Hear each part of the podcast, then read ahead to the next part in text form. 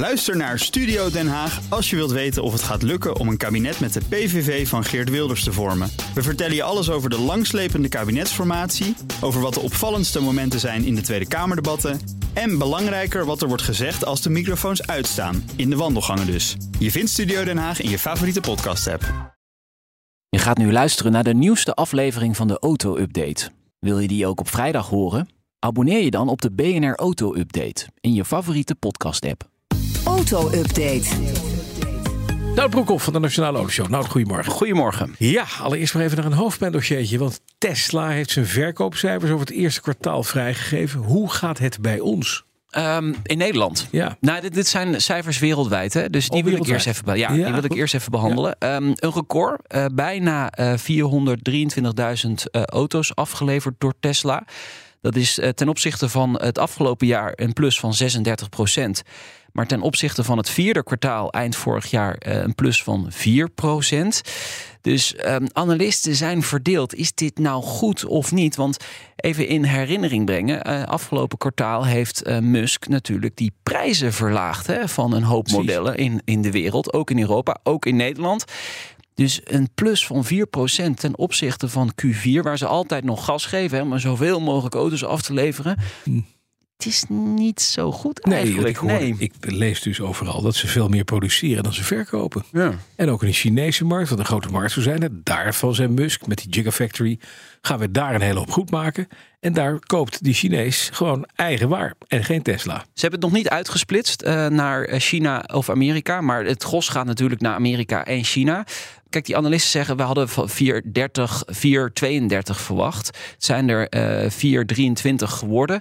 Ja, dat zijn er gewoon 10.000 te weinig eh, eigenlijk. Dus ik ben benieuwd wat de koers gaat doen. En wat de financiële resultaten zijn. Want hij heeft wel marge ingeleverd. Hè? Eh, de- Nou, als je Kijk, prijzen verlaagt. dus minder. Ja. Die cijfers, daar moeten we nog even op wachten. Want die komen 19 april. Oké.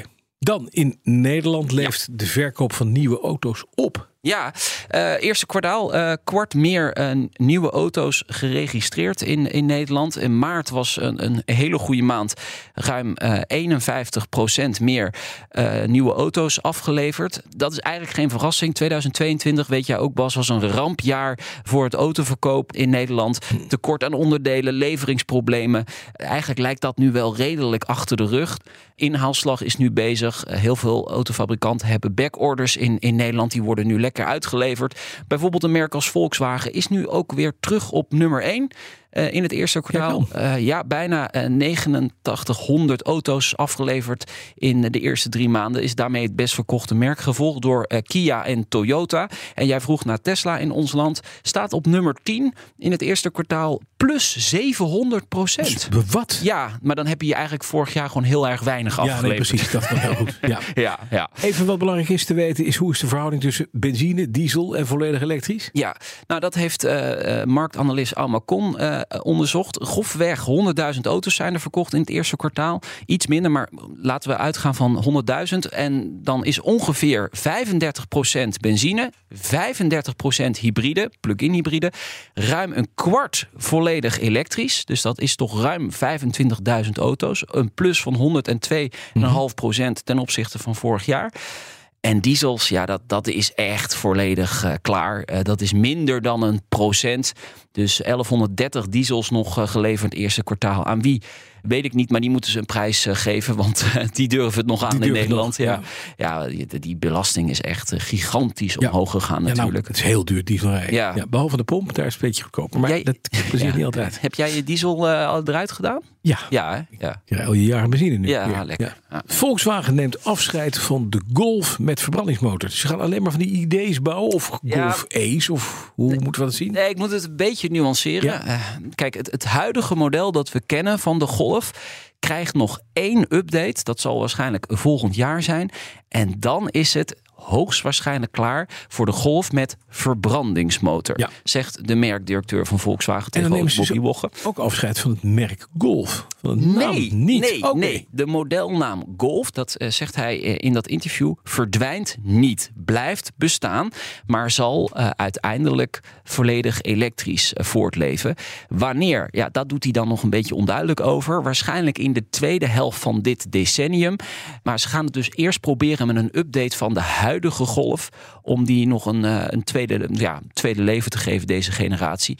Maar hij zegt ook nog wat andere interessante dingen, want hij wil bijvoorbeeld ook ehm, het, het label GTI behouden. Hij wil de Tiguan-naam behouden. Over de Passat zegt hij eigenlijk niks.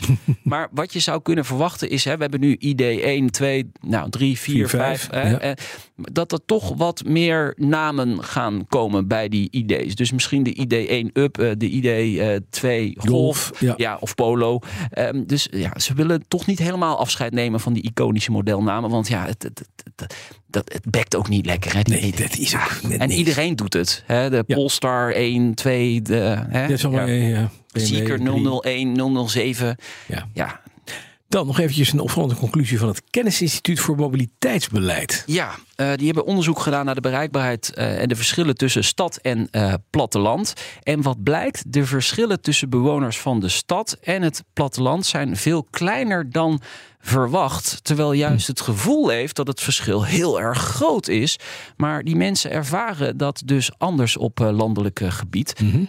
de afstand tot de voorzieningen ja, die zijn wel erg toegenomen. Hè, tot de supermarkt, tot de dokter, tot het ziekenhuis. Maar bewoners ervaren dat eigenlijk als minder erg. En dat komt door het autobezit. Hm. Dat is daar noodzakelijk in het landelijk gebied.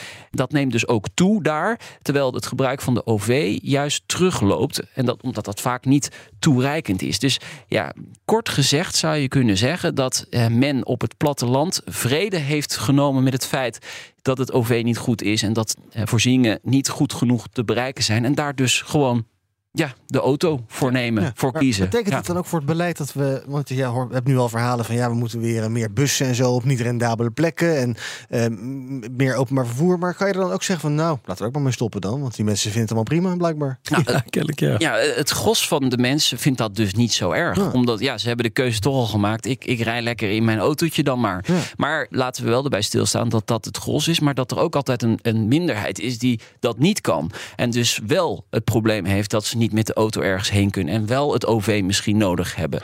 En, en dat is de discussie die nu ook in Den Haag en in het provinciaal niveau wordt gevoerd. Is natuurlijk, stel dat je die buslijnen nog verder inkrimpt, dan komen meer mensen dus in de problemen. Hmm. Omdat ze, dat ze die bus niet meer kunnen nemen op een gegeven moment. En dan komen ze wel in, in, ja, in de problemen om ergens te komen.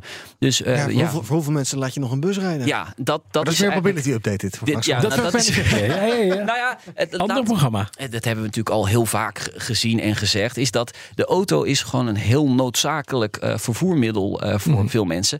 Maar voor veel mensen ook noodzakelijk dus geworden, blijkt uit dit onderzoek. Dankjewel, Nout Broekhoff. Ja, de auto-update wordt mede mogelijk gemaakt door Leaseplan.